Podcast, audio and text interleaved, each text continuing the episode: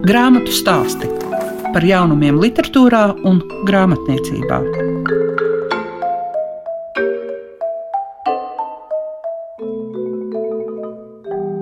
Klāt atkal kārtējie grāmatu stāsti, un aprīlī tiek vēstīts par Latvijas literatūras gada balvas nominantiem. Un šodien pievēršamies bērnu literatūrai. Kopā ar jums, kā parasti, Liega Piešiņa, un šodien dzirdēsiet par Marta Pujāta Ej, nu ej, Ērikas Bērziņas mammas dzējoļiem, Ievas Melgavas, Elizabetes Lukšo Ražīnskas, Emīļa un Rū robota sirds, kā arī Ingas Žaludes pirmo reizi uz zemes. Un, lai sākumā vispirms uzklausām dzēnieces Dainas Sirmās vērtējumu. Viņa ir arī šī gada Latvijas literatūras gada balvas žūrijas sastāvā. Grāmatu stāsti tiem, kam grāmatu lasīšana ir vērtība. Par bērnu literatūru interesanti man pašai bija atklāsmes. Neiespējama misija bija gan nominēta, gan droši vien arī tagad izvēlēta. Jo bērnu literatūra ir tik daudzveidīga. Un šis jēdziens, piemēram, ietver tādus ļoti atšķirīgus patiesībā žanrus. Nu, mēs gluži neviļus visaugstāk vērtējam tās grāmatas, kur mēs arī kā pieaugušie spējam tvert un kas mums ir interesantas. Šādas ir pusauģiem adresētās Ingas Žoludas un uh, Ievas Melgalves un Elizabetes Luško-Ražinskas grāmatas ar, ar mērķa auditoriju pusauģiem, kur ir uh, tehnoloģijas, kur ir kosmosa jēdzieni, Emīļa un Rūra robotas sirds un jā, pirmo reizi uz zemes Ingas Žoludas šīs grāmatas. Un arī ļoti labas dzējoļu grāmatas Marta Pujāta, Eino Ej un Ēriks Bērziņas mammas dzējoļi. Jā, Erikai Bērziņai arī būtībā tie ir mammas dzējoļi, ja tie ir pieauguša cilvēka bērnu redzējums. Nu, nu, vērtīgi un jauki un, un sirsnīgi, bet nu, arī Marts Pujāts brīnišķīgi izzīmē pats ir praktiski ielīdis šajā bērnu ādā. Un Marta Pujāta poētikā nav tehnoloģiju, vēl nav datori, ir tomēr dzīvnieciņi atdzīvojušies, un tas arī ir tā silda. Un sevišķi man liekas, ka ir tas kopžandrs tāds gan pieaugušiem, gan bērniem. Un to mēs it kā spējam novērtēt un nominējam, un ļoti labi, ka tā. Bet ir atsevišķa grupa tādi, es skaidri zinu, ka šī ir briljanta grāmata, bet piecgadīgam bērnam piecgadīgam bērnam ap piecgadīgu bērnu uztveri, un jau septiņgadīgajam jau viņš jau pāraudzis. Bet tāpēc jau šī piecgadīgā bērna grāmata nav sliktāka. Tā ir brīnišķīga bērna grāmata. Jūras zirgziņa grāmata, kapteiņa zirdziņš. Brīnišķīgi. Un vēl bija tāda grāmata, viena, kas arī ļoti laba grāmata, bet kas patiesībā pieaugušo grāmata, kur galvenais varonis ir bērns. Rudītas kalpiņas grāmata Harītam augot. Brīnišķīga grāmata, bet vai tā ir bērnu literatūra, atkal nevar pateikt. Nu, šādas pretrunas, nu, protams, kaut kādu kopsaucēju jau komisija atrod, bet vislabāk jau būtu vēl smalkāk eh, nominēt un sadalīt šo nomināciju. see. Jā, un es vēl gribēju pateikt, ka bērnu literatūrai arī ļoti bieži varētu pielikt uz grāmatas vāku vecumu. Tāpat kā spēlēm, jā, ir piemēram šie konstruktori vai puzlītes, ir pierakstīts un ļoti precīzi der pieņasim, līdz piecu gadu, vai līdz septiņu, vai līdz deviņu. Nu, protams, ir izņēmumi, daudzi rakstnieki un cilvēki intervijā stāsta, ka viņi jau bērnībā lasījuši no vecā grāmatu plauktiem. Var jau tā arī būt, bet var arī nebūt būt. Grāmatu stāsti programmā Klasika. Ievas Melngāvas un Elizabetes Lukšo Ražīnskas Emīļa un Rūpa robota sirds patiesi uzrunā lasītājus, visa vecuma lasītājus. Tūlīt fragments no sarunas ar Ievu Melngāvi. Ir jau tādi prozas cilvēki, ir dzīsli cilvēki, un tagad jau gan arvien vairāk parādās tādu, kad ir gan dzīsli, gan proza, gan arī tulkojumi. Kāda vispār bija tā tava gaita uz literatūras grāmatu? Es sāku kā dramaturgijas cilvēks. Nu, Varbūt vismaz pirmie mani darbi, kas tika kaut kā pamanīti, bija lugas. Tāpēc, ka es biju mazs skautrīgs bērns, un tur man likās, ka es tagad uzrakstīšu lugā, kā patiesībā notiek viss manā klasē. Tad es uzrakstīju lūgu, un tad pēkšņi atklāju, ka, ka man klases biedri ir cilvēki. Tas man ārkārtīgi pārsteidz. Pēc tam es pārsteidzu savus klases biedrus, atklājot viņiem, ka es arī esmu cilvēks, un tas bija viss tā ļoti sarežģīti. Pēc tam bija dzēja, pēc tam bija proza, bet nu, tas vienmēr ir bijis ļoti kopā. Man šķiet, ka tas ir pareizi, tāpēc ka proza, dzēja, dramaturgija tās ir dažādas prasmes. Bet, bet tas viss ir darbs ar valodu. Es vienmēr iesaku tiem prozistiem, kurus es mācu rakstīt prozu. Es viņiem iesaku mēģināt rakstīt arī dzēju vai pamācīties rakstīt dzēju. Tāpēc, ka arī tad, ja viņi nekļūst par dzējniekiem, tā bagāža, ko iedod dzēja prozā, tas ārkārtīgi noder. Es ceru, ka proza noder arī tiem, kas ir cienīgi pēc dabas. Bet, zini, es domāju, ka, ja piemēram mēs ņemam tādu kā Ingu Gaili vai Andru Manfeldi, tad, tad kad viņas raksta prózu, nu, tad viņas dara to tā, nu, tā, tā, tā ļoti romantiski. Un tā liekas, kādreiz varbūt tā pat pa daudz. Nē, nav. nav tā, ka dzēja cilvēku vienkārši, kurš raksta prózu, padara Jā, man, man ir ārkārtīgi prozīska dzēja. Nē, es, es domāju, ka tas, ka cilvēks ir sācis savu dzēju un tad tās prasmes pārliek prozā, viņš dara to, kas viņam labi sanāk un padodas. Un, protams, ka tajā prozā būs ļoti daudz mm -hmm. dzējas kā iekšā. Bet man šķiet, ka manā prozā arī, tad, kad man atverās, tad, tur arī ir pietiekami poetiski viss. Bet katrā ziņā tas netraucē lasīt. Man, man vismaz ļoti patīk Ingas Gailas proza. Man šķiet, ka, ka viņa ir brīnišķīgi rakstīta gan dzējā, gan mm. prozā. Man nepietiek, ja viņa rakstīja tikai dzēju. Viņa raksta arī dramaturgiju, tas ir brīnišķīgi. Jā. Bet kā tas ir mācīt tos, kuri grib rakstīt vai kuri domā, ka viņi prot rakstīt? Kā tas ir mācīt citus tieši nu, šo rakstīšanu?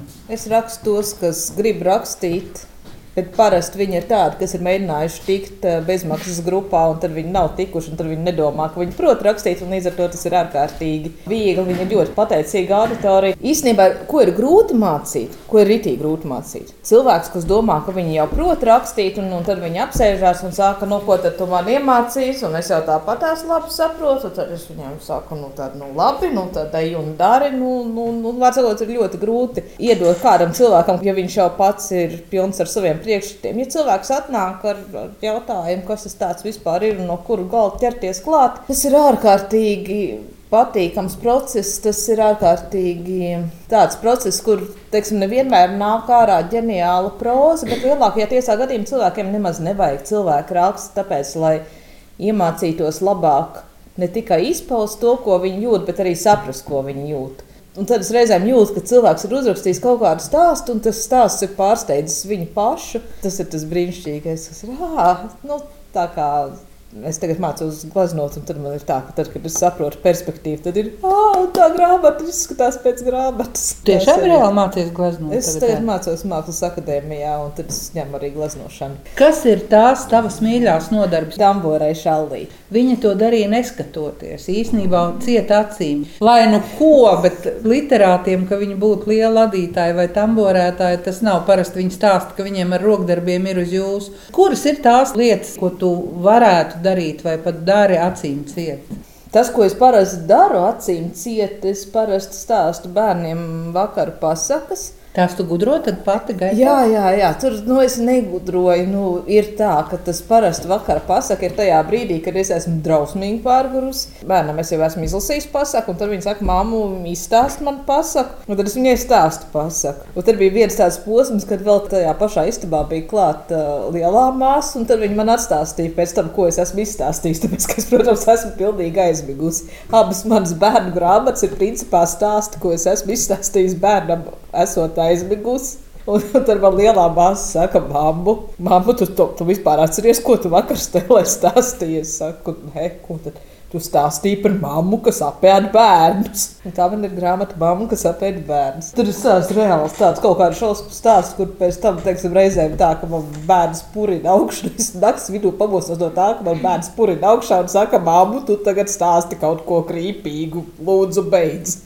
Es nevaru aizmigt. Cik tev ir vispār svarīgi sarunāties ne tikai nu, teiksim, ar saviem bērniem, bet uh, sarunāties ar tiem cilvēkiem, ar kuriem tu vai nu kopā strādā, vai kopā dodies ekskursijās, kuru redaktori tu esi? Nu, teiksim tā, man ļoti nepatīk tā saucamais small talks sarunāties ar cilvēkiem par to, kāda ir laika apstākļi, tas ir ritīgi grūti. Nu, vai nu viņi ir desmit dienas vieni un tie paši, tad nav par ko runāt, vai arī viņi mainās katru dienu, tad kāda jēga. Bet tad, kad es runāju tā nopietni, tad tā saruna parasti ir tik šausmīgi dziļa, ka, ka pēc viņas ir trīs dienas jāatjēdzās. Nu, es nevaru ar kuru katru arī tā runāt šādā veidā. Un, nu, tāpēc man ir daži cilvēki, ar kuriem es runāju tā kā non-stopā un par visu iespējamo. Un tad ir ļoti daudz cilvēku, ar kuriem es praktiski nerunāju, tāpēc, ka ne, es ar viņiem runāju par laika apstākļiem, ne es viņiem atnāku un pajautāju, kāda ir tava drausmīgākā bērnības psihotrauma un ko tur viņi darīja. Grāmatu stāsti tiem, kam grāmatu lasīšana ir vērtība. Arī Ingūna Daugste Silsproģe ir tā, kas izlasījusi teju simts grāmatas, lai varētu vērtēt Latvijas literatūras gada balvas šī gada nominantus. Īpaši mīļa viņai ir bērnu literatūra. Uzklausīsim, ko saka Ingūna Daugste Silsproģe. Neslēpšu, ka man lielāku uzmanību tiešām saistīja tās grāmatas, kuras izdevēja iesniedz bērniem adresētajā kategorijā. Es tās izlasīju ar lielu interesi. Un faktiski šajā kategorijā tās, kuras bija iesniegtas, es varu rekomendēt jebkuram lasītājam arī dažādās vecuma grupās un interesēs arī izlasīt. Bet mani daudz vairāk iepriecināja un pārsteidza tas, ka ir jauni autori, tādi, kuri nav debitanti literatūrā, kur ir pievērsušies. Tātad 2020 gadā ir iznākušas tieši bērniem adresētas grāmatas. Ļoti liels prieks ir par Ēriku Bērziņu un viņas mammas dzējoļiem, kas, protams, ir tapuši ilgākā laika posmā. Un tikpat liels prieks ir arī par Martu Pujātu, par uh, dzējoļu grāmatu Eju no Eju. Un šeit jau faktiski saslēdzas kopā tas, ka dzējnieki vai rakstītāji kādā savā daļas posmā nonāk pie tā, ka viņi domā arī paši par saviem bērniem. Un tā tad viņi sajūt vajadzību kaut ko uzrakstīt, tas, kas derētu vienai vai otrai vecuma grupai. Un šajā gadījumā tas tā arī ir. Gan par Ēriku Bērziņu, gan arī par Martu Pujātu. Pavisam man burvīgs pārsteigums bija arī Inga Žaludas grāmata. Pirmo reizi uz mēnesi. Pirmo reizi uz mēnesi es pateicu nepareizi, jo tas ir tas, ko mēs vienmēr domājam. Pirmo reizi uz zemes kas arī ir uzrakstīta domājot par savu dēlu, kuram arī būtu nepieciešama kāda saistoša, aizraujoša lasāmviela. Šeit arī ir tas, ka ir tāda reālā dzīve savīta kopā ar tādu fantāziju, pat fantastiku, ar citplanētiešu ierašanos. Lai gan faktiski es domāju, ka tā pamatoma jau tur vairāk ir stāsts par draudzību un par to, kā mēs uh, viens ar otru sadzīvojam tieši tajā bērnu, es domāju, pirmo klašu skolēnu vidū un kā mēs pieņemam viens otru. Kā mēs pieņemam to, kas varbūt ir citādāks. Nepavēlt mēs ļoti bieži sakām, ka tas ir no mēneša noklis vai no citas planētas, un tas ir tas, ka mēs saskatām kaut ko citādu. Mums šķiet, ka tas ir kaut kas nepieņemams. Šādā ziņā man šķiet, tas ir tāds rosinošs stāsts, un arī tāds uh, nedaudz ironisks. Nu, ko tad tas cits planētietis Jūlijas? Viņš nekad nav ēdis grīķus, nav gulējis, viņš nezina, kas ir Harijs. Tātad uh, Poters, ko zina taču katrs skolas bērns, kāpēc jāēd zupa. Un tad, kad viņam jautā, kas ir viņa mīļākais ēdiens, viņš saka, grilēts ķīselis. Un tad uh, stāstījuma beigās jau ir tā, ka tie draugi atnāk ar to burku, kurā ir iekšā kaut kāds uh, tāds tumšsarkans šķidrums. Jūlijas vēl zināt, kas tas ir. Nu, mēs taču tev atnesam to ķīseli, mēs tagad varam iet un to grilēt. Tā, kā, nu, tā draudzība ir arī tādās sīkās detaļās. Un vēl viena burvīga grāmata, kas ir tapusi faktiski pēc uh, detektīvu seriāla, jo sākotnēji ir bijis šis seriāls un teksts uh, Ievas Melngāvas kopā ar Elizabeti Rukšāra Žinsku, Emiju Rū. Robota sirds, kas faktiski arī ir stāsts par draudzību, par kopā būšanu. Nu, ja mēs atkal nonākam pie tā, ka faktiski visās bērnu kategorijā nominētajās grāmatās ir ļoti svarīga sajūta vai jušana. Un tas viss tomēr ir saistīts arī ar sirdi. Un šeit ir tas, ka šis robots grāmatas noslēgumā. Viņš faktiski saskums par to, ka viņš saprot, ka no vienas puses jā, viņš ir robots, viņš ir tāda tehnoloģiska ierīce, bet viņam nav sirds. Un tā tad viņš ir nepilnvērtīgs, varētu teikt, ka viņš ir citādāks, un tieši šī citādība ir tajā, ka viņam nav sirds. Tādā ziņā man šķiet, ka visas šīs grāmatas tā arī pēc tās sajūtas, pasaules vērošanas, citam cita vērošanas arī saslēdzas kopā. Protams, kā ārpus šīm četrām jau palika mūsu ierastie bērnu autori. Juris Virgstiņš, kuram ir katru gadu ir kāda ļoti aizraujoša grāmata, un tā tas ir ar šajā gadā. Tāpat arī Mārim Rungulim un uh, vaļa nākamie piedzīvojumi Laurim Gundaram. Viena grāmata, gan es gribētu pieminēt, kas man pašu ļoti uzrunāja, un kas varbūt īsti šajā reizē bija tādā starpkategorijā, varbūt nebija īsti domāta kā bērniem. Tā ir uh, Rudīts Kalpiņas Harijam augot. Man pašai ļoti patika un aizrāva, un arī ļoti daudz ko lika pārdomāt par to, cik nu, faktiski jā, tagad ir uzaugusi paudze, kura tehnoloģijās jūtas daudz brīvāk un dzīvo faktiski tajās tehnoloģijās. Un tas no vienas puses, domāju, tādās karjeras attīstībā un vēl kaut kā tur šodien, ka bez tā neiztiks, bet droši vien ar tām tehnoloģijām tiek pazaudēta tā sirds. Un es domāju, ka šī grāmata ir tāda, ko es tiešām arī ieteiktu izlasīt. Nu, es domāju, varbūt arī tādiem lielākiem bērniem, vai arī izlasīt vecākiem un pārunāt kādas tādas aizraušanās vai aizrautības ar tehnoloģijām un tādām virtuālajām lietām, kur paliek sarunas un kur paliek tas, ka mēs esam kā cilvēki kopā, ne tikai ar kādām tehnoloģiskām ierīcēm, telefoniem un vēl visu ko citu. Un tad man šķiet, ka uz palikšanu bērnu literatūrā ienāks arī Agnēs Vanaga. Un šeit arī ir tas stāsts, ka faktiski arī iepriekšējie darbi par plasmas huligāniem un, un, un nākamās sērijas, kur darbojas šie paši abi brāļi, un, un arī ir rakstīts tomēr par saviem bērniem. Jo arī bērni aug un arī viņiem ir nepieciešams kaut kas, ko lasīt. Nu, no bērnu literatūras man jāteic, ka no tiem visiem četriem man ir ļoti grūti izšķirt, jo dzēja ir, ir viens žanrs, un tāds prozas vēstījums ir cits žanrs. Un zinot, cik tādiem skolas bērniem vai bērniem, kas ir ceļā uz skolu vai nu, mazāko klašu, teiksim, sākuma skolas un pamatskolas, tad nu, viņiem ir diezgan grūti ar to dzējas lasīšanu. Un šeit man gribētos, ka nu, varbūt arī nu, skolotāji vai sešgadnieku audzinātāji atrastu to ceļu tieši caur šiem dzīvoļiem. Jo šeit ir iespēja arī nu, mēģināt labi nedzējas rindās, bet uh, pašam vizualizēt to savu ikdienu, piemēram, vai kaut kādus notikumus, ko tu pieredzi. Un tad uzzīmējot, arī mēģināt izstāstīt. Un katrs stāsts jau arī ietver kaut kādu poētiku, arī bērnu leksikā. Tas būtu tas viens rosinājums. Un uh, par šīm abām prozas grāmatām domāju, ka tās diezgan esmu pārliecināta arī nonāks bērnu žūrijas lasīšanā. Jo es domāju, ka mums ir jāatbalsta arī tas, ka,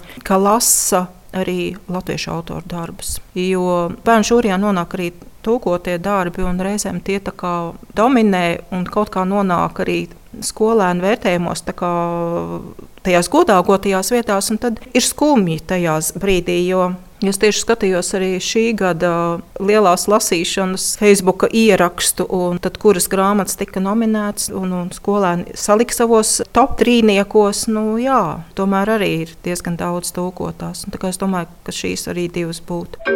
Grāmatu stāsti programmā Klasika. Aizvadītā gada vasarā varējāt dzirdēt kultūras rondo sižetu par Martu Pujātu un viņa dzējoļu grāmatu Einu Eju. Paldies Tomam Treibergam un grāmatu stāstos fragments no šīs sarunas. Nu, tā vienkārši ir daļa no manis, ka es pasauli uztveru reizēm caur tādu pozitīvu, smejošu prizmu, un reizēm caur tādām skumjām un tā, tāds vērojošs skumjas, kas tā sanāk melanholija. Ja? Un es atceros sevi arī, kad es biju tāds bērns. Tad es arī tieši tāpat uztvēru to pasauli. Man viss likās baigi forši un jautri, un reizē arī tā skumji, tā, tā kā tā lēni, skaisti skumji. Kaut kā tā, kaut kā šo trīs lietu simbiozi, nezinu. Un uh, tad, kad es esmu ar meitu, es redzu, ka viņai ir līdzīga tā, tā pasaule, uztverās arī tā ir tās pozitīvās emocijas, un ir arī kaut kas tāds kas drūms un kaut kas tāds tumšs. Tad. Bet nē, tas nav tumšs. Tas ir drīzāk tas, tās, tās lēnās skumjas. Jā, drīzāk. Tur aiz balto jāņogu krūmiem grāvis, kur nevar iet. Tur nevar iet, tur var iekrist un sasisties. Tur nelaiž, tur vecos zarus velk un liek. Tur nav brīva, tur vilku vāls, tur viss ir apstājies. Tur nevar iet, tur pasaules mala. Tur var nokrist un sasisties. Tur nav ko redzēt, tur nevajag līst. Kad izaug liels, tikai tad tur var iet. Bet tad tur vairs negribas. Izskan grāmatu stāsts šīs dienas raidījumā, bija par Latvijas literatūras gada balvas nominantiem bērnu literatūrā, tātad par Marta Pujāta Einu Ei, Ērikas Bērziņas mammas dzējoļi, Ievas Melgalvas, Elizabetes Lukšo Ražīnskas, Emī un Rū robota sirds, kā arī Ingas Žoludas pirmo reizi uz zemes. Dzēja un próza mums tiek piedāvāta interesantā, bet ļoti, ļoti dažādā veidā. Visu labu jums saka Liega Piešiņa. Grāmatu stāsti par jaunumiem literatūrā un grāmatniecībā ik trešdienu, 9.5. ar atkārtojumu Svētdien, 18.15.